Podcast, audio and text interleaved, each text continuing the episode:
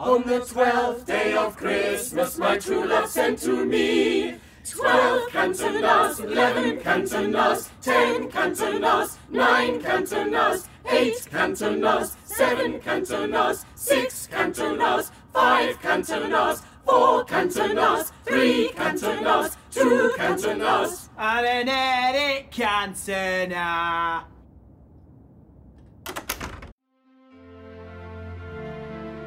Ni ska som alltid känna er varmt välkomna till ännu ett avsnitt av United-podden. Podcasten som du inte visste att du längtade efter. United-podden görs i ett stolt samarbete med både den officiella supporterklubben MUS och United-redaktionen på Svenska fans. Uff, ett vanligt avsnitt om precis ingen match alls, tänkte ni. Nej, nej, nej så fel ni hade. Denna vecka har vi som sig bör valt att kasta om upplägget totalt och istället göra en stor julspecial. Det gör vi med all önskvärd tydlighet genom att dessutom göra något som tidigare aldrig skett i United-poddens anrika historia förut. Vi är nämligen samlade alla fyra samtidigt. Mackan, vi börjar alltid med dig normalt sett, så jag tänker att detta får vara det enda som är sig likt denna vecka när det kommer till upplägget. Hur mår du? Jag mår bra faktiskt. Jag är, jag är spänd eh, framförallt på att se hur Gustav och Micke fungerar tillsammans här. Eh, Det, det ser jag fram emot. Eh, Och sen, ja, jul är väl trevligt kan jag tycka. Så, ja men det är bra. Är du en sån där riktig julgrabb? Nej, det skulle jag, det skulle jag verkligen inte säga. Men eh, det är väl trevligt, småtrevligt. Det låter som, på det i alla fall som att du har gått och gnuggat händerna inför den här eh, inspelningen för att få se de här två gå ihop. Det tycker jag att vi gör med detsamma. Vi ger oss in i det som ni lyssnare har suktat efter så länge. Gustav, Micke, ni har kastat skit på varandra i avsnitt efter avsnitt trots att ni normalt sett är kollegor på Svenska fans. Jag väljer att skjuta in dig i skottluggen direkt, Gustav. Hur känns det att sitta här med Micke för första gången? Ja, men, men skönt ändå. Jag känner att det har ju liksom byggt upp på det här under hela, hela, hela poddsessionen här. Så det, det är dags att vi egentligen får mötas. Jag känner också att Micke har, har varit lite extra svag här de senaste veckorna. Så kul att få kanske ställa honom till tals här. Framförallt, jag tyckte att han kom undan väldigt lätt här förra veckan efter att ha gett oss den här bajsmackan att sitta och diskutera Uniteds frisparksskyttsbredd. Och han är inte ens med själv, utan ger oss en så dålig talk of the town-punkt och får liksom komma undan från det. Så jag tycker det är dags att han får ställa sig till tals här. Micke, vill du försonas med Gustav efter detta eller tänker du hälla mer bränsle på elden? Nej, men jag är ganska försynt. Eh, jag är lite rädd för Gustav, så nu när jag ser honom så, så vågar jag inte riktigt vara lika bitsk som vanligt här. Men, men, men sen är det också så, alltså, eh, dåliga manusförfattare i, i all ära, men sen handlar det om att leverera då också. Just, just där har ju Gustav haft lite problem genomgående känner jag. Så, att, så att jag vet inte riktigt vad vi ska servera Gustav för att han ska kunna leverera. Vi får se om vi kan hitta någonting idag. Ja, nu ser inte ni där hemma hur nervös Micke ser ut när han säger de här grejerna. Men det, det kan han se som tittar på honom. Det, ja, nej, men skämt åsido, jag och Micke är ju faktiskt gamla vänner här. Så vi, vi har ju gjort United-vodden tillsammans, försökte ett försök här förra året. Succé. Och, eh, Succé var det. succén, Succén. Mamma älskade United-vodden. Eh, så hon, mamma och pappa är jätteglada att få se mig och Micke i, i podd tillsammans här igen. De har, de har efterlängtat det här hela hösten. Jag tror inte din mamma är ensam där. Det är så många mammor där hemma. Det var, det var din mamma och ytterligare tre, fyra personer till som, som gillade United-vodden. Ja, det var det. Vi har härliga, härliga nära och kära. Och ni Alltså, två var två av de fyra eller? ja, vad har hänt det senaste? Gustav, status på dig? Covid-sjuklingen? Ja, men kan, kanske covid-fri. Det ligger ett eh, sån här lateral flow-test bredvid mig just nu och, eh, och puttrar lite. Så jag hoppas att kanske kunna komma med, med positiva, negativa nyheter här under, under poddens gång. Att man, att man är covid-fri. Det innebär att man får gå ut, köpa lite, köpa lite mat till jul här i alla fall. Som, som jag sagt tidigare blir det inga, inga flygresor hem, men man får, eh, man får budda upp sig här, här hemma och kolla på lite United-dokumentärer på, på streamingtjänsterna. Det är tråkigt att du inte får åka hem och eh, träffa familjen såklart, men det är också kul att få ha det där borta. Vi behöver ju våra Englandskarlar som sitter där och har öronen mot marken och berättar vad det är som sker där borta. Men eh, lite kort sådär, vad, vad, vad kan vi förvänta oss framöver med fotbollen? Ja, precis. Vad, vad kan vi förvänta oss? Det känns, känns ju väldigt, väldigt osäkert. Vi ska ju som bekant möta Newcastle här 27 december är tänkt va? och det känns väl, eh, ska man sätta pengar så är det väl kanske en 50-50 på om den matchen går, eh, blir av eller inte. Det är väl eh, lite dagsform beroende på hur många som är med covid-sjuka och det kommer nya, nya instruktioner här mer eller mindre var och varannan timme så det det snackas ganska mycket om att det ska bli lite, lite i alla fall semi-lockdown här nere i, i, i Storbritannien, eller borta i Storbritannien här under ett par veckor över jul. Så då, då blir det nog ingen fotboll alls tror jag. Men det kan hända mycket här på en halvtimmes eller en timmes poddinspelning också. Så jag lovar att live-rapportera här om det händer någonting ja, under, det, under avsnittets gång. Fint. Vi, vi, blir alltid lite oroliga, Gustav, när, när du inte anger fler, inga decimaler alls här i, din, i ditt estimat. Kan du ge oss lite närmare än 50-50 tack? Ja, men det känns som kanske 49,2832 då i, i fördel av att jag har ingen aning om vad som händer. Så ja, nu, nu, nu är vi trygga igen. Ja, fyra decimaler. Ja, Micke, du har ju fört dig från ena sidan av landet till den andra, ryktas det om. Mm. Ja, men nu är jag ju på, på framsidan av Sverige som som eh, göteborgarna brukar säga. Och jag är ju en göteborgare, men, eh, men eh, det blir alltid det här käbblet när man åker upp till Stockholm så, så, eh, så säger man framskärt, tror jag man kallar det. Eller hur är det Gustav? Det är så. Framskärt. och när man kommer ner hit så är det framsidan som gäller. Men jag har alltid tyckt att luften ändå tilltalar mig, så jag känner att jag kan djupandas på ett annat sätt. Inte den där smoggiga känslan som, eh, som, som finns i Stockholm. Så det känns skönt att vara, vara på västkusten igen. Det unnar vi dig. Men grymt gubbar, ska vi se till att eh, starta igång den här podden ordentligt? Jag tänker att vi likt Rudolf och gänget när de lyfter med släden sparkar igång den här julspecialen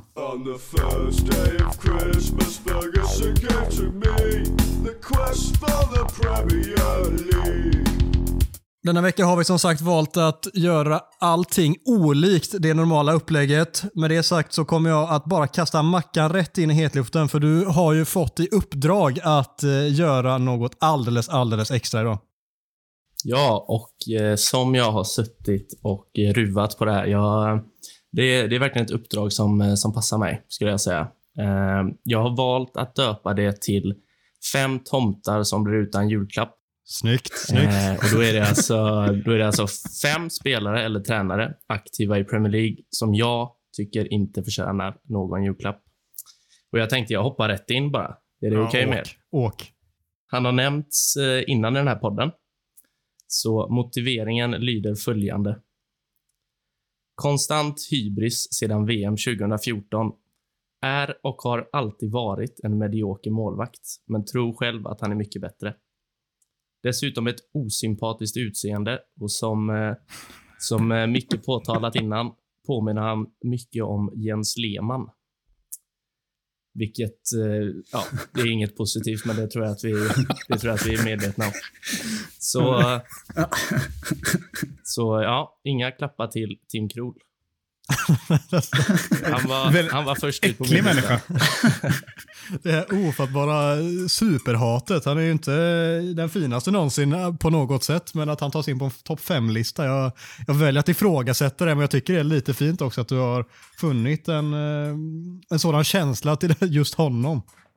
Ja, ja, nej, jag vet inte vad det är. Det är bara ser jag honom så blir jag lite, lite, lite upprörd varje gång. Så eh, nej, han är definitivt på min topp fem-lista. Straffgiganten Tim Krul. Jag gillar ju Tim Krul. Vad är, vad är det för fel på Tim Krul, Mackan? Jag tyckte jag motiverade det ganska tydligt här. ja. ja, jag vet inte fasen. Ja, jag, ja, jag ser inte. Jag ser inte. Jag, jag kan eh, hjälpa dig lite Mackan då. Alltså, jag vet inte om ni minns det här men eh, Jens, Jens Lehmann-liknelsen eh, finns ju en gång när Lehmann då, lite typiskt, han gjorde det var och varannan match, men det var någon match, jag tror det var i Europa, som eh, kan inte varit Champions League i och med att det handlar om Arsenal, det måste varit Europa League. När han eh, maskar med typ 20 minuter kvar, låtsas tappa bollen på en reklamskylt, lite slött. Och det tar en kvart för honom att hämta upp bollen. Ja, men där och då, just den scenen känner jag, ja, men jag får de vibbarna varje gång jag ser Tim Krull också. Det känns som att han hela tiden vill göra något obehagligt. Usch. Ja, men det, jag, tror, jag tror det är den här konstanta, konstanta hybrisen som stör mig. Han gjorde tre straffräddningar i VM 2014. Och eh, sen dess har han inte gjort mycket bra. Han har gjort mycket dåligt, men det verkar folk ha glömt och han själv också. Så nej, han förtjänar eh, inte att fira jul ensam. Han förtjänar att bli klapplös i alla fall, det tycker jag. Ja, ja, ja. Dina ord är lag. Jag har, min största hatmålvakt genom åren har varit tveklöst Joe Hart. Helvete vad jag har lackat på den jäveln. Ja, det håller jag med om. Jag är mer ogillar Joe Hart mer än Tim Krul. Alltså. Ja, tveklöst. Ja. Micke, vem är, äh, Jens Lehmann din äh, nummer ett eller har du någon Ja. att komma med? Det, det är Jensa. Nej, Jensa är över, överlägsen etta och det har man massa andra saker att göra. Men, eh, nej, men Joe Hart kan jag hålla med om som en god tvåa, men Krull kvalar in där någonstans. Han ligger och hugger. Så jag, jag är helt med dig, Mackan. Ja, men skönt. skönt. Ja, rulla vidare då Mackan. Ska vi se, ska vi se om jag får eh, medhåll från Gustav och Adam här på denna då. Motiveringen till nummer två lyder förmodligen Premier Leagues allra mest osympatiska spelare. Utanför är han säkert helt underbar, men på planen är han för jävlig. Fick en skön känsla genom hela kroppen när Zlatan tryckte till honom lite hårt där i höstas. Det var nästan lite synd att det inte tog styggare. En sån där spelare man älskar om man är i ditt lag. Men nu är han inte det. Så nej, inga klappar till Cesar Aspilicueta heller. Som jag sitter i din båt här. Tack. Ja, den, den är jag nöjd med ändå. Han, han, eh, om Tim Krul var given så var nog Aspilicueta lika given, det tror jag. Varför ses inte Cesar Aspilicueta mer som en gris än vad han gör? Jag fattar inte. Jag tycker han är så jävla cynisk och äcklig varje gång jag ser honom spela fotboll. Sen är han säkerligen ett föredöme i omklädningsrummet och med laget med tanke på binden och allt det där liksom. Men jag, jag klarar inte av honom när jag ser honom spela fotboll. Nej, nej det är samma här. Det, nej, jag vet inte vad det är. Han tilltalar mig inte alls alltså. Han har också en sån här dryghet som man bara kan ha om man spelar för typ Chelsea eller Real Madrid. Det känns liksom som man kan, man kan liksom inte, man kan inte ha det någon annanstans. Antingen så är man Pepe liksom i, i Real Madrid eller så är man David Luiz i Chelsea som jag absolut hatar också. Det finns någon, någon gammalt klipp när han, när han filmar i slutminuterna där när han blir nedsparkad, ligger och flinar in i kameran för att fördriva tiden. Och det är liksom är Chelsea i nötskal på något sätt. Och eh, ja, jag, jag håller helt med här Mackan. Här, här får du tillbaka min respekt. Alltså. Inga, inga klappar, inga klappar. Det är klubbar som blivit Mourinho-fierade. Ja, precis vad det är. Ja, men det var, det var bara medhåll där då. Micke, du också? Ja, nej, men det är ju ingen särskilt trevlig person så att... Eh, Nej, gött. Du känner, du känner han på ett personligt plan eller? Ja, nej, men eh, alltså på riktigt, han har ju det här... Eh, Jag tycker ändå det är fint att Mackan på något sätt, på något sätt pudlar lite i att så här, han är säkert trevlig utanför planen. Vad fan baserar du det på liksom? Han är säkert asdryg utanför planen också. Ja, nej, men han är ju, vad är han, 1,60 lång? Lite Napoleon-tendenser.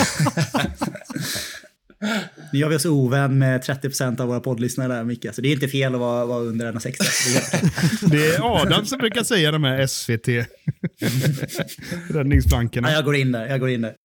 Jag, jag blir faktiskt eh, mer överraskad när jag har med, mer, alltså lika mycket medhåll på den här. För den här är nog lite, den är nog lite oväntad tror jag. Men eh, jag hoppar rätt in i nummer tre här. Southamptons spanska mittfältare. Jag vet inte vad det är, men jag tål honom inte. Han är fostrad i Barcelona, men eh, det märks inte överhuvudtaget. Ytterst medioker fotbollsspelare som alltid spelar på eller över gränsen. Har alltid fyra eller fem benbrottstacklingar i sig per säsong.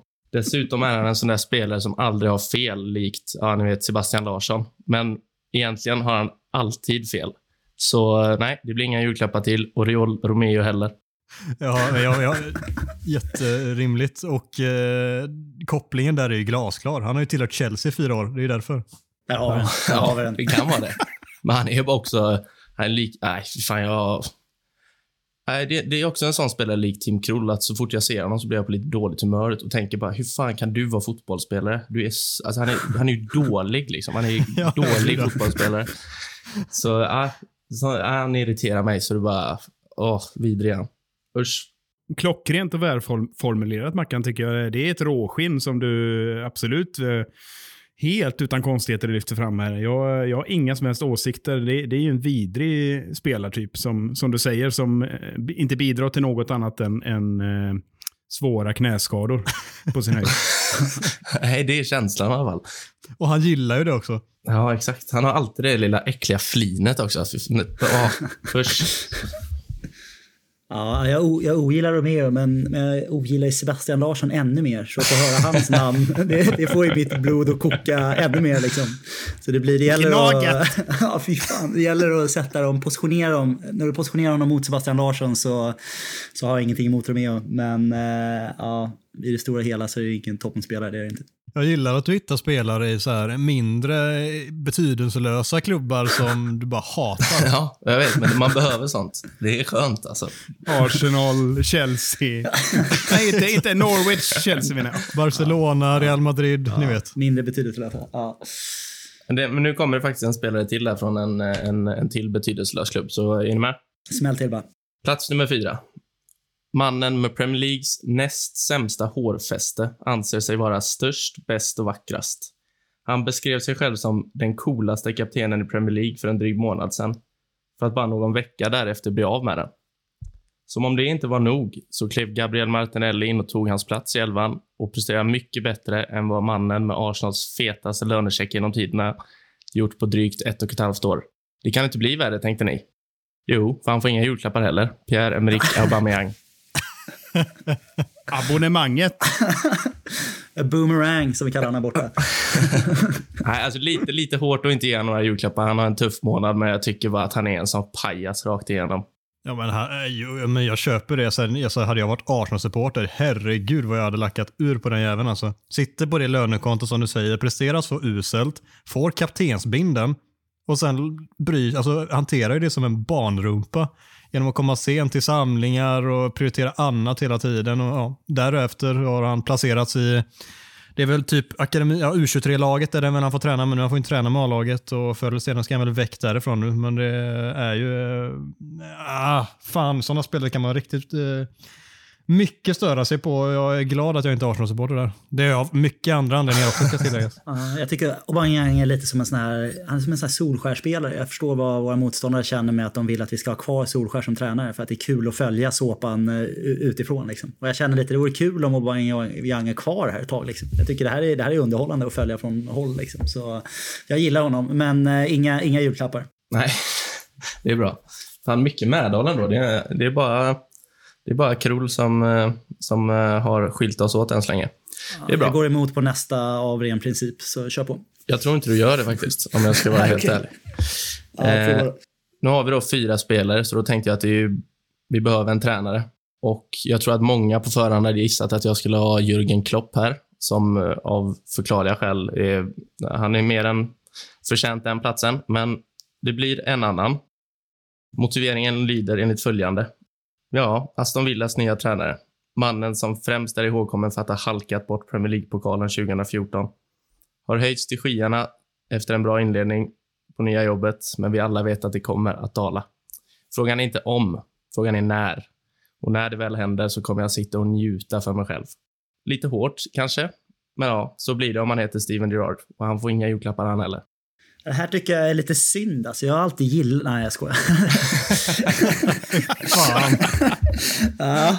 Nej, den är svår, svår att inte hålla med mig.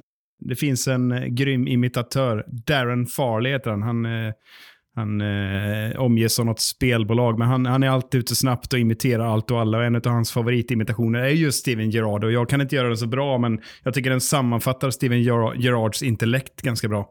Det är ungefär låter det så här. Kås. Att han inleder alla svar så. Jag vet, det är ganska likt tycker jag ändå.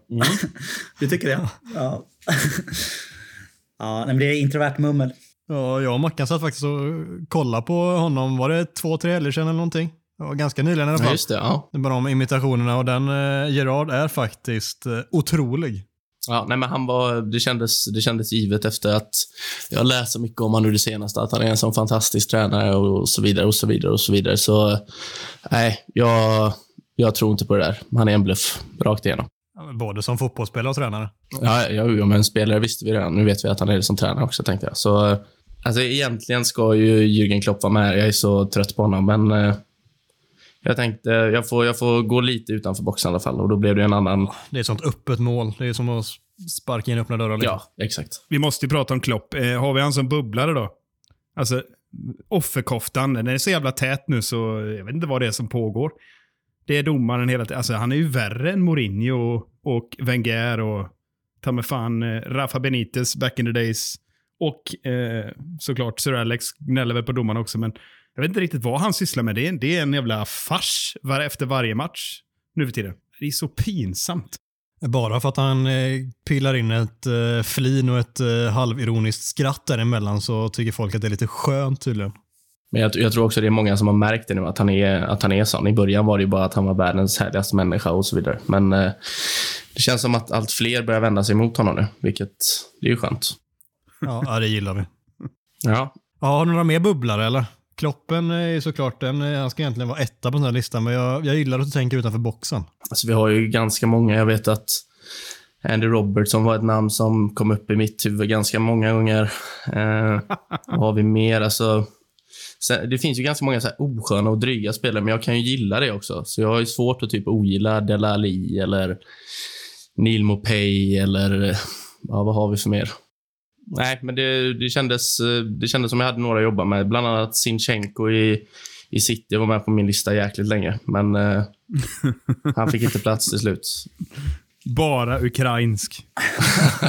ja, Sinchenko är faktiskt en bra shout också. Men jag vet inte hur ni är där, men jag kan bli sån om det gullas alldeles för mycket med en spelare. Vi säger typ Kanté, vi säger typ Jong-Min Son då vänder jag mig istället och sätter mig rakt emot det. Jag, jag kan inte hjälpa det, men jag, jag, kan bli så trött på allt gullande för det blir sånt unisont så här, alla ska älska, älska, älska och allt är så himla härligt och gött med den spelaren. Och eh, då vänder jag mig bara helt naturligt emot det av någon anledning. Känns lite som grinchen där Adam, att du inga julklappar till Kanté liksom. Vad är, vad är man, världens ondaste människa liksom? han ser så jävla glad ut. Alltså. Det är klart han ska men, få men. Sonda, vad fan är detta? Han, han bor hemma hos mamma, riktigt sån säng, sängvätare. Den auran har han. Ja, ja. men jag, jag, Kieran Tierney är också en sån spelare som, som hade kunnat vara på min lista. Bara på grund av att allt gullande med honom och att han har t-shirt på sig i december och vem fan bryr sig. Men, um, ja, men så han behöver väl en julklapp. Han kan få ett underställ av mig. Kan jag skicka över till honom så kan han ta på sig det för en gångs skull. Ja men visst var han, eh, det, alltså han står ju där och fryser jävel men han tycker att han ska upprätthålla någon form av image. Han ställer sig där i t-shirt och shorts när alla andra på så här rånarluva och trippla underställ. Ska han vara lite skön tydligen. Ja, ruskigt oskön. Men, eh, nej, men jag är nöjd med min femma till slut. Jag, jag tycker den blev bra. Jag, Bra jobbat. Ja, vad ger du dig själv för betyg då? det är fem av fem. Tycker jag ändå. Fem av fem. Ja. Ja, ja. Du kan fortfarande få den här julklappen, Mackan. Ja, det är Mackan får sina julklappar. On the first day of Christmas, Ferguson came to me. The quest for the Premier League. Näste man till rakning är Gustav Kulle som kommer med sin superlista. Eller ska vi kalla det 11? Ja, oklara premisser. Jag fick alltså en, en hipster-elva ska jag dra ihop här. Eh, väldigt, o- väldigt oklart vad det är. Jag vet inte om det är för att jag har odlat lite hipsterskägg här senaste, senaste veckorna. Att man åker på en sån här, jag vet inte ens vad en hipster är anno 2021. Men det är, så, det, så det är en samling av lite sköna spelare här eh, med, lite, med lite motivering. Så jag tänkte jag kör igenom elvan så får ni väl, ni får stoppa mig och säga vad ni tycker. Eh, av, av naturliga skäl så ställer vi upp i lite sån här klassisk okonventionell VM-formation. Den här 3-2-2-3 som ser ut som ett WM. För det känns Just det, den klassikern ja, som alla den lag gamla kör. som alla kör.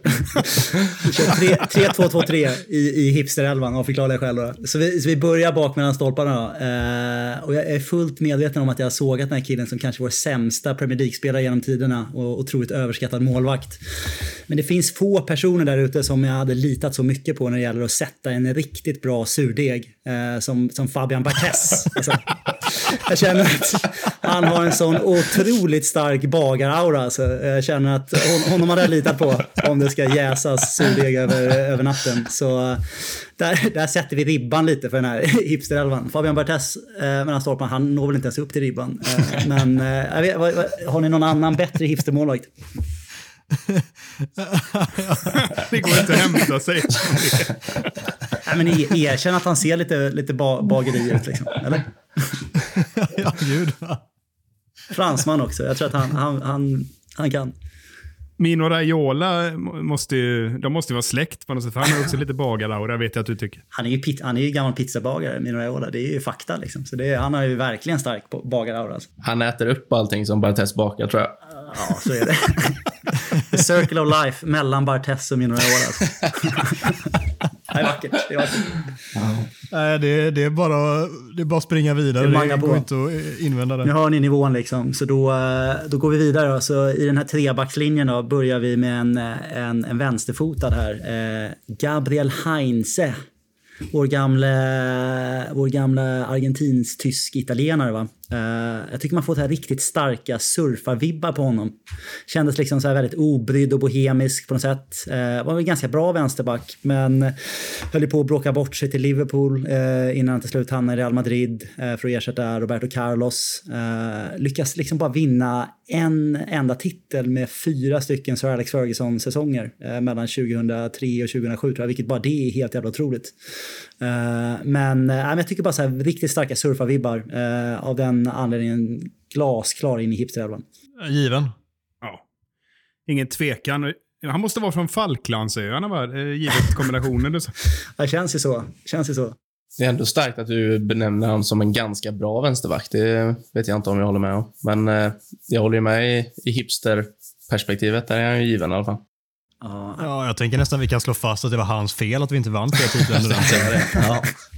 Ja. Rann igenom på vänsterkanten där. Ja, näs, nästa då. eh, Så eh, vi sätter den här killen i mitten på den här trebackslinjen då. Eh, li, liten, ja, kanske lite wildcard här, men Jonathan Spector. Kommer ni ihåg honom? Chicago-födde tysk-amerikanen. Nu är det smart. Alltså. Nu känner jag att många, För många, de som inte många, har koll på många som stänger av där. Jag tänkte, Micke kör du. du kan, nej, det kan du inte. Så jag, jag körde det. Blev bara ett par handfull matcher va. Eh, men jag, jag har faktiskt first hand information på att han är gedigen mikrobryggeris eh, entusiast. Jag har sett honom två gånger eh, under mina tio år här i London på, på Londons mikrobryggerier här. Han var ju, jobbade, eller spelade i West Ham fem år efter United.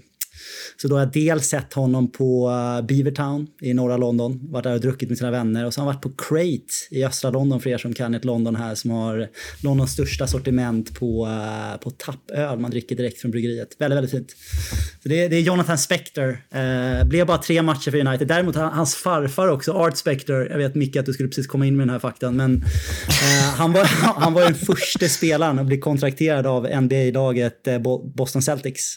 Så han brukar kallas the original Celtic. Bara det är väldigt, väldigt hippt tycker jag. Vet, vet, vad, vet vad jag tycker är det sjuka med, med att han är med i elvan? Eller nej, det sjuka är inte att han är med i elvan. Det sjuka är att du känner igen honom när du ser honom på bryggerierna. Det är Gustav i ett nötskal. Det är därför han är hipster själv. Jag tycker vi uppmuntrar alla där att googla Jonathan Spector just nu. Vi tar en liten paus här på fem sekunder för han ser så extremt i alla vardagliga ut alltså. Han ser ut som vilken revisor som helst. Men uh, ja, Och ändå känner man man igen honom. Ja. Honom känner man igen. Jonathan Spector. Vi får kolla med, kolla med hans advokat Harvey Specter. annars. Ja, titta. Titta vilken referens. För er som kan rätt suits. Ja. Ja, väldigt bra. Väldigt bra. Ah, Okej, tredje man i, i uh, backlinjen här då är, uh, är John Evans. Eh, mest för att det går liksom inte att göra en lista med United-spelare utan att ha med Johnny Evans. Eh, så jag har liksom ingenting hippt på honom så jag tänkte ni får hjälpa mig här och motivera det. Men Johnny Evans ska alltid in i en lista på sköna gubbar. Nej, det ska han inte. Så någon annan får motivera det, för jag kan inte göra det. Nej, ruggig överkorsad geting på den hipster-auran alltså. Äls, älskar John Evans. Han är liksom en ofrivillig hipster på något sätt. Jag tror att han är liksom, eh, han är nästa, kanske näst 2.0 hipstern liksom. Han är så hipster att han inte ens fattar att han är hipster. Alltså. Average Joe. Han känns så långt ifrån en hipster man kan komma. Ja, men, och det, Ja, det, det- är väl jävligt hipster i sig, är det inte det? Ja, jo, det kanske det är. Blir nog meta här alltså. Han, han känns rätt given. Det är Liksom, det har begåtts ett brott på Södermalm. Så flyger de in Johnny Evans som statist på en sån vittneskonfrontation. Ja, ser ganska mycket ut som Jonathan Spector också, så lätt att blanda ihop dem om ni ser dem ute i Londons, Londons natur. Ja. Ja, det är en stökig trio ändå, det får man säga. Ja, men boll, boll, bollskickliga backar det är det i alla fall. Eh, vi, vi går vidare till mittfältet då. Så då tittar vi på de här två, två defensiva mittfältarna här i 3-2-2-3-uppställningen då. Så då, jag ställer den här som en fråga. Eh, vem har vunnit Fifas Golden Boy-pris som världens största talang tillsammans med Messi, Agüero, Rooney, Pogba, Mbappé, Erling Haaland, Mattias Delit? Vem vann 2008? Andersson! Andersson, och inte vilken Andersson som helst. Andersson, Luis de Abreu, Oliveira. Va? Våran Andersson. Åh, Supertalangen Andersson. Fan vad skön han är också. Jag, jag gillar alltid Andersson. älskar honom. Man tror att han är 45 år gammal nu, men han är bara 33. Liksom. Han har redan lagt skorna på hyllan. Han är färdig. Han har checkat ut. Mm. Vad väger Andersson? Ja. Vad väger en legend? Ja. 0,2 ton Nej, jag tror älskar jag. Andersson. Jag vet inte ens hur man, jag vet inte ens hur man motiverar, men han alltså inbytt i Champions League-finalen sista minut eh, mot West Brown. En annan lite hipster Han hade kunnat gå in där i och för sig. Alltså. För att ta en straff bara så dunkar han dit den i mitten av målet. Jag tycker det är så jävla, jävla balt att skjuta straffar i mitten av målet. Jag uppmuntrar fler att skjuta straffar i mitten av, mitten av målet. Mm. Nej, men han är, han är given igen. Det tycker jag. Ja, men det tycker jag. Han bedömdes sen av Michael Owen att misslyckas under sin karriär för att han hade lite dålig mentalitet och brist på arbetsmoral. Eh, låter väl som en beskrivning av typ nästan alla brasilianska spelare i Europa. Liksom.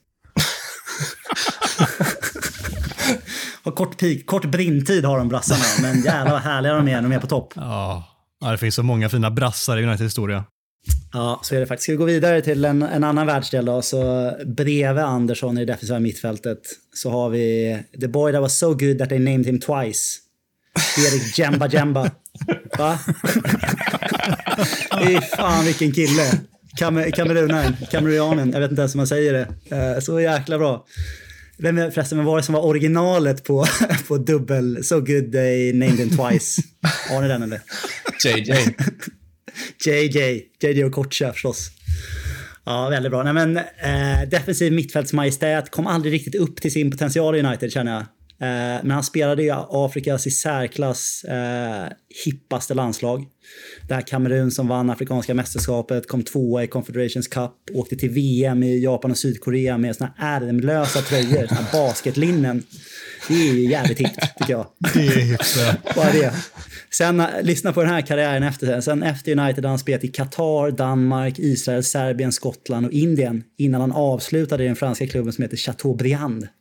Det vill säga samma som det här köttstycket som man kan köpa här, här om man går på restaurang. Då köper man Chateaubriand. Otroligt, vilken jävla karriär alltså.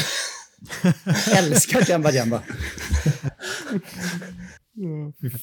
Ingen, jag känner ingen som fyller på med anekdoter om Jamba Jamba här liksom. Micke, Micke kör nu fan, du har varit svag hela avsnittet. Ja, jag, jag har riktigt svag koppling, men jag kommer bara att tänka på Rog, Roger Milla när jag tänker på Kamerun och den här dan, dansen när han var 63 år, VM 94. Ja, det, en det är det närmsta. alltså. Det måste varit, eh, så Jemba Jemba måste vara hans son i och med att han, han känns som en sån här stam... eh, Vad fan- säger man? Stamfader för hela Kamerun, Roger Milla. Så vi får kolla upp det om de är släkt på något sätt. Ja, Mic- Micke lovar att återkomma om denna. Va- Vart gick han direkt efter United? Åh, nu sätter du mig på pottan alltså. Gick han... Eh, hamnade han i Aston Villa eller något först eller? Jag skulle vilja att han kanske vände i Premier League innan han ut i, ut i världen. Jag tror det var Aston Villa. Ja, ja, ja. Nej, men eh, han är väl också... Det är ett, det är ett jäkla tvåmannamittfält där. Det är inte många som kommer förbi det. Andersson och Jemba Jemba. Kanté vem? Kanté vem, säger man. Jajamän. Här var det stängt. Ja, eh, ja, men vi tittar på de två, två offensiva mittfältarna. Här, får man, här går vi tillbaka till 90-talet, så nu, nu kanske vi tappar två av, eh, av poddarna här också. Men eh, Jordi Cruyff, kommer ni ihåg Jordi Cruyff? Ja då. Va? Såg alltid ut som en nyvaken konststudent utan ett öre på fickan. Men man visste att han uppenbarligen kom från pappas pengar eftersom att han är Johans son. Man såg liksom alltid så jävla yrvaken ut. Eh, representerade dessutom både Holland och Kataloniens landslag. Eh, det tycker jag är jävligt, det är jävligt hippt i sig. Eh, Verkligen. så jag gillar en riktig jävla bohem, Jordi Cruyff. Han, eh, han lyftes ju upp till som förslag som en eh, kandidat till att bli sportchef i United för ett par år sedan här när det snackades väldigt mycket om att United borde anställa en sportchef. Så eh, var han en som väldigt många lobbade för. Så är det, han är faktiskt alltså efter sin eh, ja, ganska mediokra spelarkarriär, får jag nog ändå meddela. Så han var tränare i Kina och Israel. Eh, men nu nyligen här, bara, faktiskt bara för ett par månader sedan tror jag, han blev anställd, anställd som sportslig rådgivare till Barcelona. Så han, han har fullt upp här idag, för var det inte så att vi håller på, de håller på att värva Ferran Torres här från våra blåa, blåa konkurrenter? Så det kanske är Jordi Cruyff som ligger bakom Jo, det. men precis. Det slår vi fast att det är. Det slår vi fast här och nu, så är det. Jordi Cruyff, eh, åtta mål på 34 matcher, det är ganska bra. Ganska bra procent faktiskt. Inte så många matcher, men ganska, ganska bra utdelning. För att hela tiden vara yrvaken så är det ändå otroligt. Det är starkt. Ja, Nej, precis så. Ah, Okej, ska vi gå vidare då? Så andra offensiva mittfältaren här, det här är en personlig favorit alltså. En fotbollskonstnär ut i fingerspetsarna. Eh, Adnan Januzaj. Åh, Ah, älskar Adnan Januzaj alltså. ja. Vi skulle kunna ha en hel podd om bara Adnan Januzaj. ja, kanske ska köra en Adnan-special om då. Det tycker jag verkligen vi ska göra faktiskt. Jag kuppar in lite här redan nu. Alltså. Han är så- så mångkulturell. Han kunde alltså representera inte mindre än fem olika landslag när det var dags för honom att välja. Varsågod grabbar. Vilka var de? Ge mig de fem landslagen Adnan Januzaj kunde. Belgien. England. Kosovo. Nej, inte England faktiskt. Kosovo, Belgien, två. Ja, var det? Mm, Österrike eller? Österrike. Ja, det är därför Nej. Micke är så svag. Nej, det är det inte. eh, Alb Albanien. Albanien har vi. Belgien, Albanien, Kosovo. Två till. Vad fan? fan kan det vara? Nej, borta. Ja, jag är inte med alls här känner jag. Ah, Turkiet. Serbien, tror eller ej. Fem landslag. Och jag faktiskt, det ryktades även om att de skulle försöka få över honom till engelska landslaget. Det är faktiskt, det är faktiskt sant att de... Att Ja, hade det var det jag länge. mindes att det var snack om. Det var snack om det faktiskt. Så potentiellt, det, blev, det var tydligen aldrig... Det hade inte gått för han hade inte varit tillräckligt många år i ungdomen i, i, i England. Men det ryktades om att de skulle försöka få över honom. Men det är ändå bara det. Så mycket mer mångkulturellt än så blir man inte. Man skulle vilja... Ruggig kosmopolit alltså. Ja, Magiskt. verkligen. De familjemiddagarna skulle man ju vara på. Vad är det pratar, vad, Ja. vad pratar de för språk? Gemensamt språk här. Nu för tiden ser han ju ut som en riktig hipster också, så eh, det, det gjorde han ju inte riktigt när han kom fram, tycker jag inte. Men nu har han ändå... Är han blonderad nu fortfarande eller har han eh, fixat frippan igen efter det? Så jag är inte så uppdaterad på, eh, på hans frisyr, men jag vet bara att senast jag såg han så hade han den här blonda pottfrillan och något uh, ovårdat skägg. Och det skriker ju Södermalm eller Majorna eller vad som helst. Man hade inte blivit chockad om man såg honom på en bänk där, men långburk Sofiero liksom. Är det en typisk hipster? Aura Nej, alltså. det är väl alkis-aura nu kan jag på, men... eh, Ah, Sofiero, den där spanska ölen. Ja. Så jävla gott. Det Ja. finns också annan öl, eller vad är det vi ska säga där Micke? ja, just det. Ja, Det finns också mikrobryggeriproducerad öl.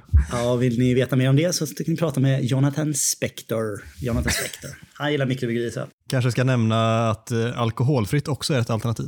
det är ett alternativ. Inte jul kanske, men om man, om man vill ha tråkigt. Ja, så är det. Så är det. Fan, det är inte public service det här va? Vi Det behöver inte hålla på stämde och alltså sitta- för det tillägget. Men Adnan, eh, superbra såklart att han ska vara med. Älskar Adnan. Han, ja, han är solklar. Det är också vilka jävla, två kanonramser har han. Alltså två, kanske Ja. våra, våra starkaste ramser liksom. Har ni, är det någon som kan dem på rak armen? Ja, men jag vill inte blotta min sångröst faktiskt. Nej, men jag drar den här. Vad har vi den här? Jannesaj, Jannesaj, Jannesaj. Den är något sådär. I like to tell you. I, I might as well do. About the boy who can do anything. His name is Adnan. He's from Belgium. Jannesaj, Jannesaj, Jannesaj. Hur jävla bra är inte det alltså? Ja, den är magisk.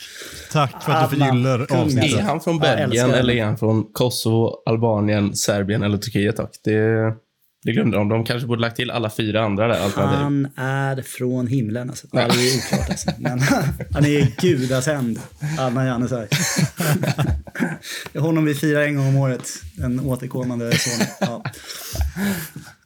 Är det- Kommer det bli så här återkommande rykte nu framöver för att han är så en jävla mäktig spelare, precis som med Ronaldo, att han ska tillbaka till United varje sommar?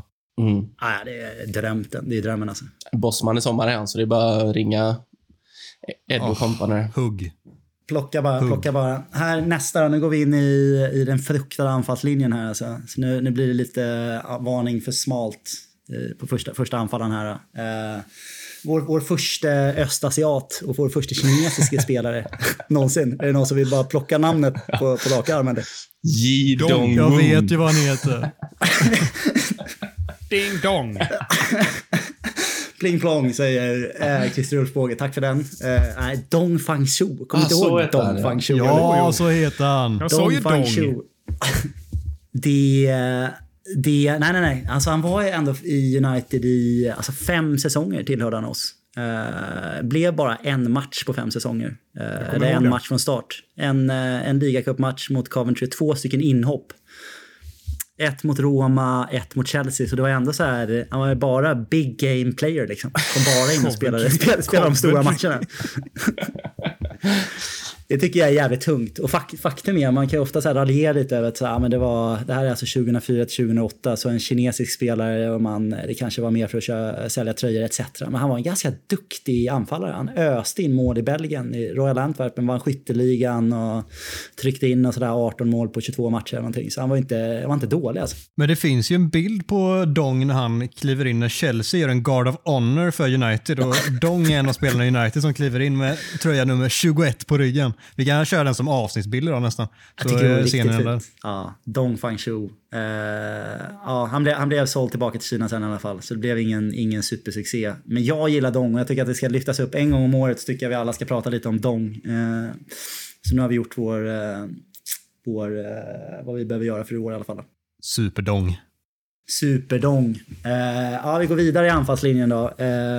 Nästa anfallare, här har vi liksom en spelare som, jag har nog aldrig sett en så oetablerad spelare som har sett så otroligt ointresserad och nonchalant ut. Som Gabriel Aubertin alltså. Jävlar, alltså hela auran bara skrek att jag bryr mig inte ett dugg om vad du tycker om mig för min mamma har sagt att jag är bäst i världen. Och jag tycker det är en ganska, jag tycker det är en ganska skönt sätt att gå igenom världen på något sätt. Jag bryr mig inte om vad du tycker för min mamma tycker att jag är bäst i världen. Och det, det tycker jag Gabriel Abortan bara skrek i sin aura. Det blev bara 14 matcher för oss, men eh, en riktig jävla hipster alltså. Gud ja, och han är ju en av de här som alltid lyfts upp när man ska prata om spelare som ja, misslyckats eller som man tycker är lite sköna att nämna bara United. Det är Obertan och Jemba Jemba bland annat som du också nämnt. Mm. Precis så, precis så. Ikon. Är det mannen med eh, det mest märkliga eh, huvud... Eh, vad säger man? Huvudformen. Ja, huvudformen. Alltså, det ser ut som han hade en sån här avlång cykelhjälm på sig hela tiden. Ja. Alltså jävla mycket träffyta på att nicka där, känner man. man tycker att han borde vara bättre på huvudspelet. Om man ser honom rent estetiskt än vad han var. Nästan Maguire-klass alltså. Det är svampbob fyrkanthuvud liksom. Ja, ser ut lite som Bläckva där alltså. Ja. ja. Men jag tycker han var rätt... Eh, han var ju ganska god som spelare egentligen. Bara att han, som du säger, han sket ju i vilket liksom. Och då, då är man ju given i hipster, va? Tänker jag. Så den... Eh, Jag tycker det. mm. Det är sådana spelare du går igång på normalt sett Mackan. Ja, men han var jag nog svar för när han var här. Det har jag för mig att jag... Ronaldos ersättare, va? Som det var. Mm. Som det var. Ja, men ska vi gå vidare till sista, sista namnet här? På tal om nonchalanta spelare som Mackan går igång på. Vem kan det vara då, då som är den, eh, den optimala hipstern? 108 matcher, 48 mål. Va? Oj, oj, oj. personi- Personifierat förstås eh, av Dimitar Berbatov. Va? Berbatov, vilken jävla spelare. Ypperlig jävla bollbegåvning. Troligtvis kanske den största bollbegåvningen, ja, i alla fall jag har sett, eh, i, i en United-tröja. Eh, men också en jävla inställning där det känns som att han bryr sig fan inte om någonting. Alltså. Han bryr sig inte. Och Och det, det, är, en konstnärssjäl ut i eh, fingerspetsarna alltså. Och det har jag sån jävla respekt för alltså. Jag, jag gillar det alltså. Mm. Ni- Ni ser inte Mackan framför er nu, men han, han ser ut ungefär som att eh, han är sju år gammal, sitter vid, vid granen och det står bara Mackan på alla paket. Han är, o, han är överlycklig nu. Ja, julgranen reste sig här nu. nu. ja, den, bild, den bilden vill man ta. Ja, jäklar. Men det är väl, jag tänker lämna över till dig Mackan. Kan inte du säga några fina ord om Berbatov? Du är ju, det finns ju få personer som gillar Berbatov så mycket som du gör. Jag beskriver honom alltid som den mest eleganta fotbollsspelaren genom tiderna och jag tycker att, att det inte finns någon utmanare på den platsen. Så eh, de som inte uppskattar Dimitar Berbatov uppskattar inte fotboll. Jag tycker att eh, ytterligare motivering är väl överflödig egentligen. Fantastisk spelare, fantastisk touch. Nej, bara hans utstrålning. Eh, ja, nej. Jag gör mig lite svag här. Knäsvag blir jag när jag pratar om honom. Så nej, älskar honom.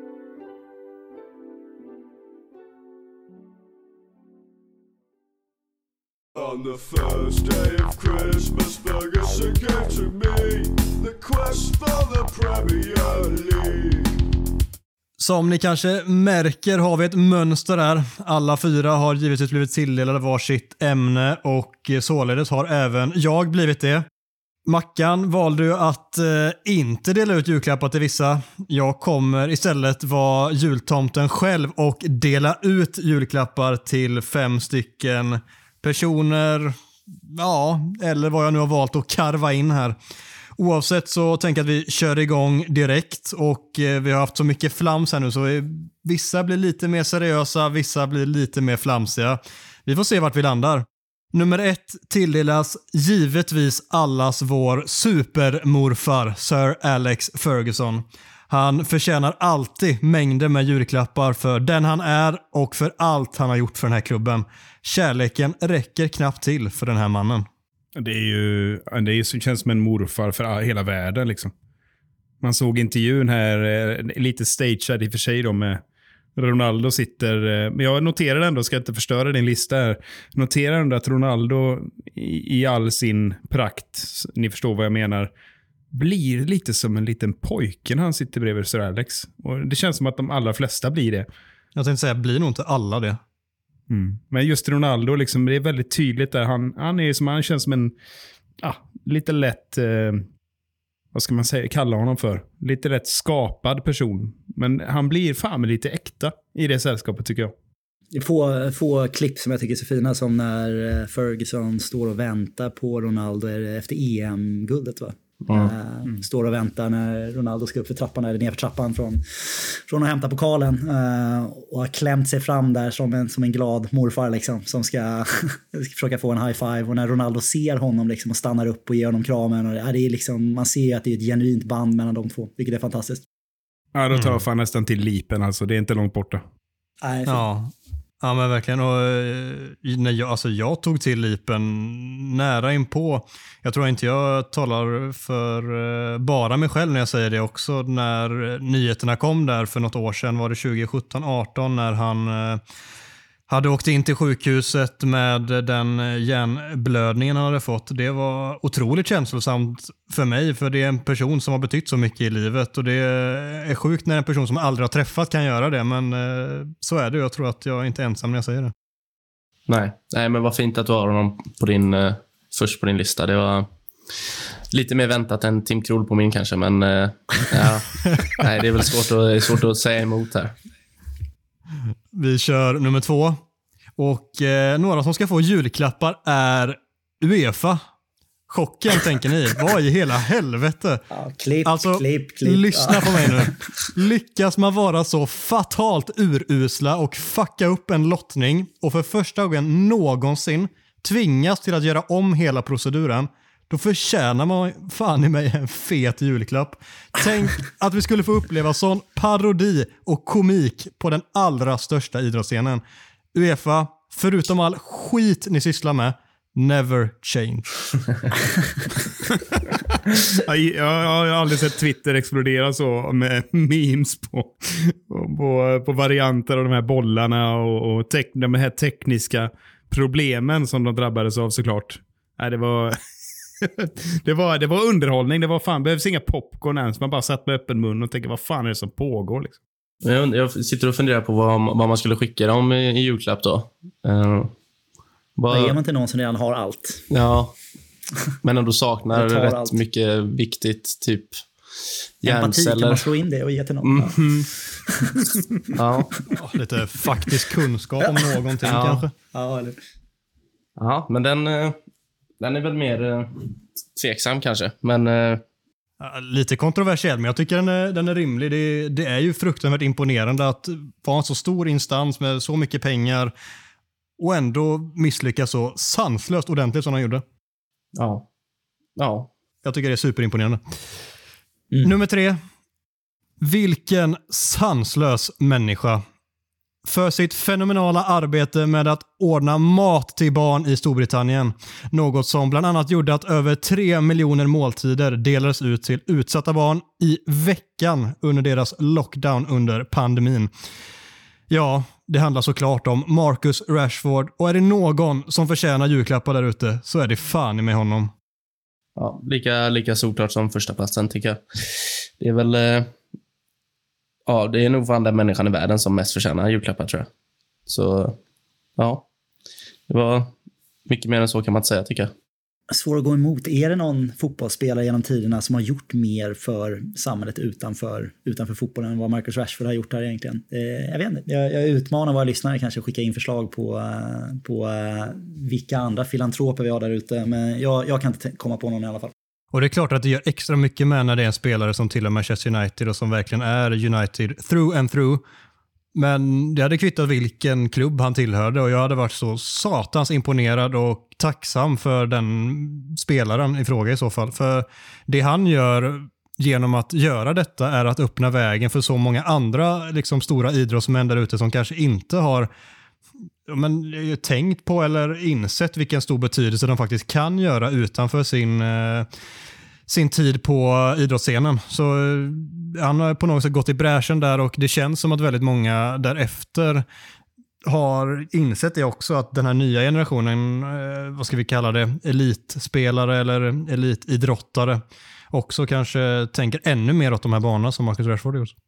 Ja, men det är så, det är så klockrent på något sätt. Jag, eh, jag kan komma på mig själv och kritisera eh, ja, generationen som, som eh, kommit fram nu, inte bara liksom idrottare utan generellt, att man tycker det är så extremt självisk generation kan jag komma på mig själv och sitta och vara lite boomer då och då. Men Rashford är verkligen, han visar ju raka motsatsen och som du säger Adam, det, det, det tvingar ju också fram att eh, hans generation och även de som kommer efter nu tänker till hur jävla viktigt det är att frisyren ligger perfekt och att eh, Instagramkontot eh, ja, eh, höjer min status och jag får högre lön och så vidare.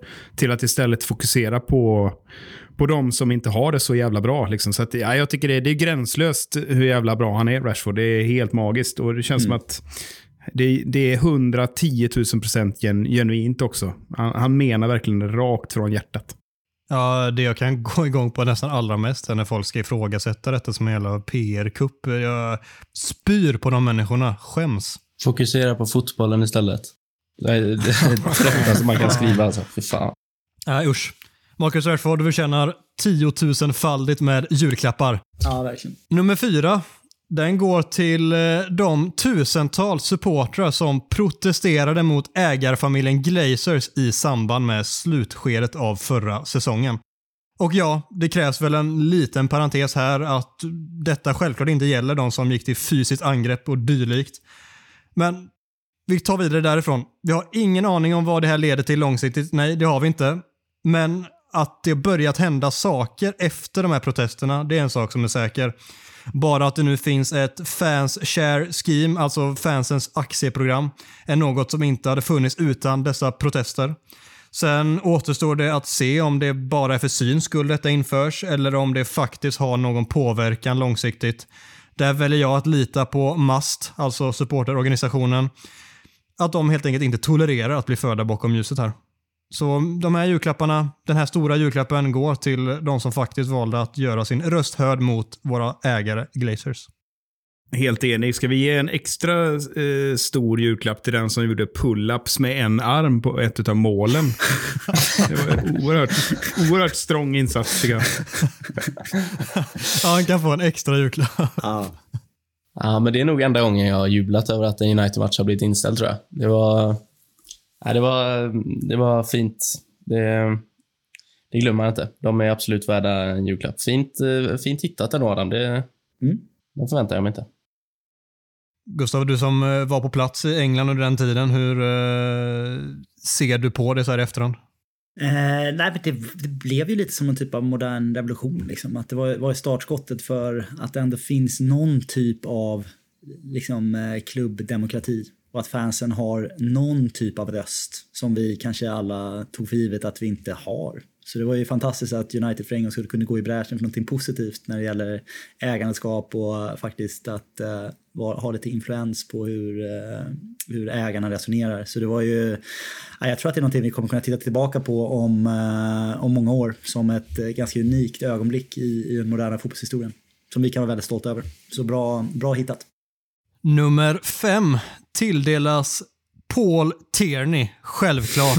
Domaren om ni inte har koll på honom. Mannen som på egen hand har lyckats förarga hela Liverpools supporterskara. Inte minst efter 2-2 matchen mellan Spurs och Liverpool. Paul Tierney, vilken hjälte. Ja. Han, var, han hade varit etta på min lista. Hade han varit. Som jag älskar honom nu. Det är min nya favorit. Får man, får man Jürgen Klopp att börja gråta offentligt, då, då är man fan värd julklappar i en livstid. Alltså. Det, vilken hjälte. Mackan som normalt ett hatar domare, han har hittat sin älskling. Det är min gubbe från och med nu. Han kan döma bort United. Jag kommer bara komma, komma ihåg, ja, vad blir det, vilket datum är det nu? Eh, Ja, det är oklart, men det är datumet i alla fall som matchen var. Ja, det kommer jag lägga på minnet och så kommer jag tänka på honom. Hur fin och vacker han är. Han har ju länge pratats om i Liverpool-led också som en United-domare och det finns väl statistik på det att han har gett oss väldigt många mer straffar än alla andra klubbar. Typ. Han är ju från Wigan från början som ligger på något sätt, vad ska man säga, mittemellan då eh, United, eller Manchester och Liverpool. Eh, hårt draget och eh, han, möjligtvis att han kanske har en eh, United-supporter-historia. Det är ingenting vi vet om men vi hoppas ju det. Det vore ju ännu finare. Ja, men det tror jag att han har. Det kan vi, det kan vi utgå från. Han ser ut Det slår som vi en, eh, fast här nu. han, eh, han ser ut som en som gillar United. Han är, han är fin. Micke, hur är din relation till Paul Tierney nu? Nej, men det, den förstärktes ju klart nu efter senaste matchen. Jag har väl sett honom som eh, ja, egentligen en, en eh, helt okej domare. Jag har inte riktigt eh, tänkt på att han skulle ha dömt till Uniteds... Eh, ja, det finns ju andra som, som eh, inte riktigt kvalar in på den listan, men eh, jag tycker det var strångt av honom att att inte vika sig för, för offerklopp här när han stod och lipa. Och sen att, att han provocerar fram i den postmatch-intervjun där tycker jag är helt magisk. Jag vet inte vad han har emot mig, säger Klopp på, på sin offertyska. Ja, det var kul.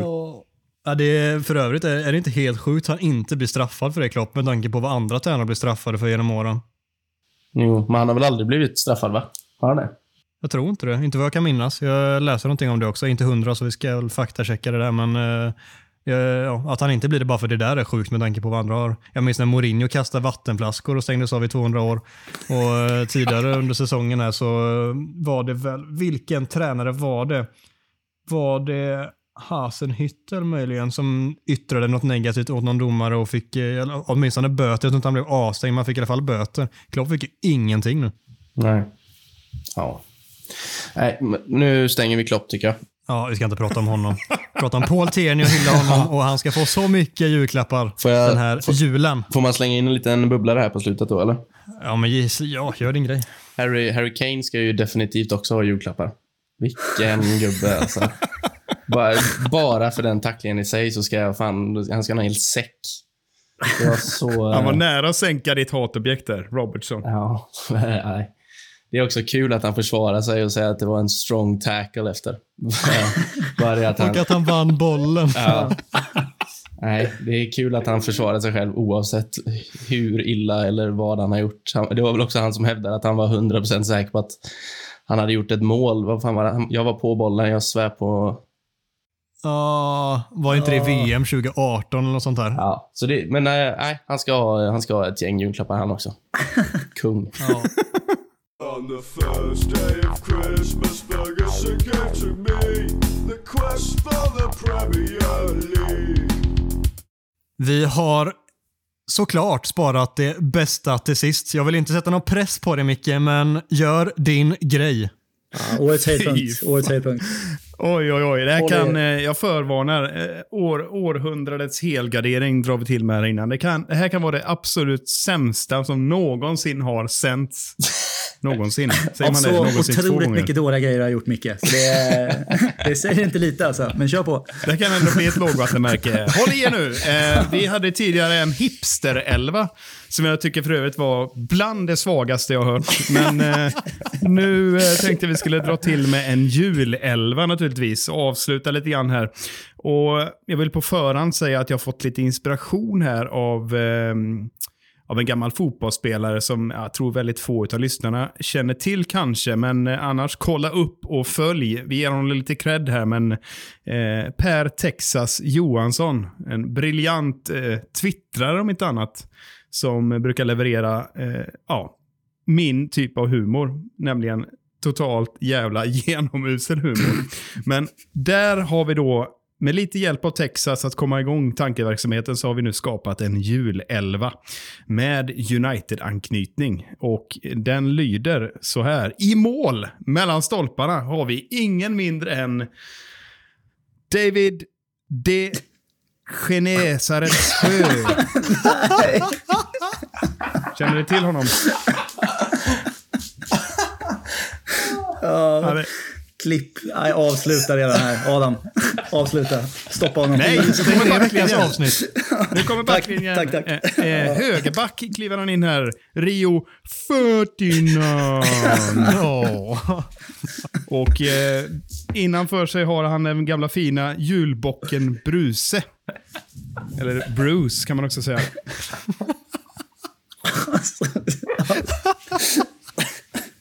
Om vi måste ha vänsterfot i backlinjen, då har vi ju självklart eh, Mikael Löksill Västre. Nej, så dåligt. Och eh, vänsterbacken manövreras naturligtvis av eh, en legendar, United-legendar, Patrice Julevangelium. Nej. Nej, det är så dåligt. Är ni redo för mittfältet här? Det är, jag är nästan ännu mer nöjd. Vi säger tack till Mackan som har spelat in här. Louise Nanidad finns eh, till höger på mittfältet. Åh, fy fan. Stabilt innermittfält har vi först en, en ganska oväntad innermittfältare som ja, vi såg faktiskt på innermittfältet nu här senast. Eh, Ris Alamata finns där. Ja, ja, ja. Och bredvid fantastiske Scott McTomtenisse naturligtvis. Och eh, legendaren på vänsterkanten Ryan Glögg. Det är fan... Det är helt Är ni redo för anfallet Ryan? Glögg. Det är helt Glögg. Det är så jävla lång, långsint. Och då var allt annat långsint också. På topp har vi Rudolf van Mistelrooy. Och eh, en gammal, gammal fin centertank bredvid sig. Tend ett ljus. Men vi, har ju, vi avslutar då med en, med en inhoppare innan vi kommer till tränaren såklart. Vi måste ha en tränare i det här laget. Men inhoppare då har vi Andrew Rödcole. Fy fan. Och laget tränas av Mourinho. Ho, ho, ho, ho, ho, ho, ho, ho, ho. Ja, det, där har ni det sämsta eh, jullaget någonsin. Han kände som att det var 15 spelare i den startelvan. Alltså. Det tog aldrig slut, Nej, för, det är ju det är ett klassiskt eh, 4-4-2 med inhopparen där, Rödcole. Sa du Ryan Gluggs? det är fan det sämsta jag har hört alltså. Åh. Ja, den är inte bra. Den är inte bra. Jag har aldrig tänkt på poddinspelning som en träningspass idag. Jag har så ont i magen nu. Va? Åh, fy fan. Jag har tappat talförmågan. Åh. Ja, herregud alltså. Herregud. Glenn, Glenn Hysén hade haft svårt att klämma fram något så här dåligt. Va, vad, kan vi säga hette, så. vad hette målvakten? David De Genesarets sjö. Alltså överlägset sämst. Ja, i tuff konkurrens. Ja, den är överlägsen. De andra är, de andra är 0 av 10, den här är fan minus 4 av 10. Vi ser fram emot att få feedback från lyssnarna på vi, skala minus 100 till 10 då, eller vad har vi för skala egentligen? Det namnet hade inte fått plats på hans tröja där. Skicka in egna förslag, skicka in era favoriter av de här. Min är nog Scott McTomptonis, jag tyckte det var superfyndig. Har vi hämtat andan? Jag hoppas det åtminstone. Tack som attan för att ni fortsätter att lyssna på våra avsnitt och för att ni kikar in våra sociala medier, ber era vänner och vänners vänner och alla det till att eh, hitta oss. Vi skulle bli superglada om ni gör det. En annan sak som vi är jätte, jätteglada och stolta över är ert otroliga engagemang under Musikhjälpen-veckan här. Första gången vi körde bussan här och när vi stängde i söndag så låg vi på 12 600 insamlade.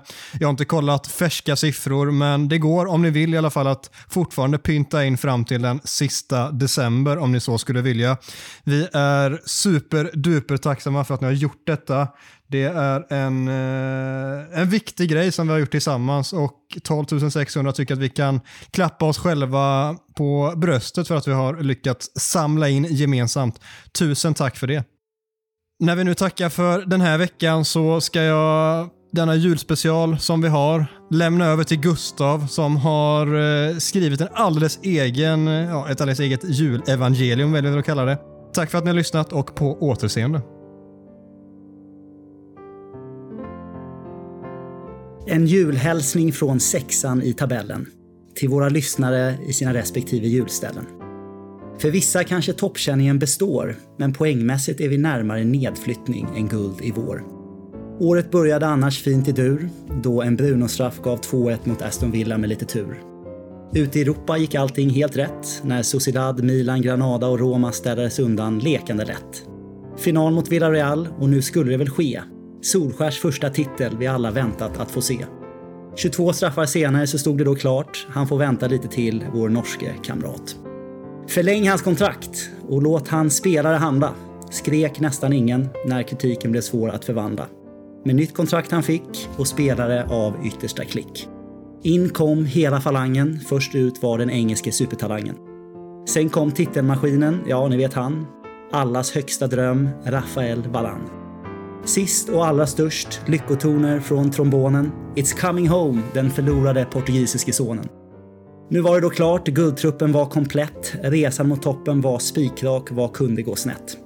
Tydligen typ allt, Solskärs hjul slutade rulla, anfallsspelet dog ut och våra försvarsspelare verkade fulla. Speciellt Harry Maguire. Ut med Glazer, det kan alla åka hem. Vi kan ju inte vinna om vi inte löser en ny CDM. Samtidigt Mackans ständiga rop höras skalla.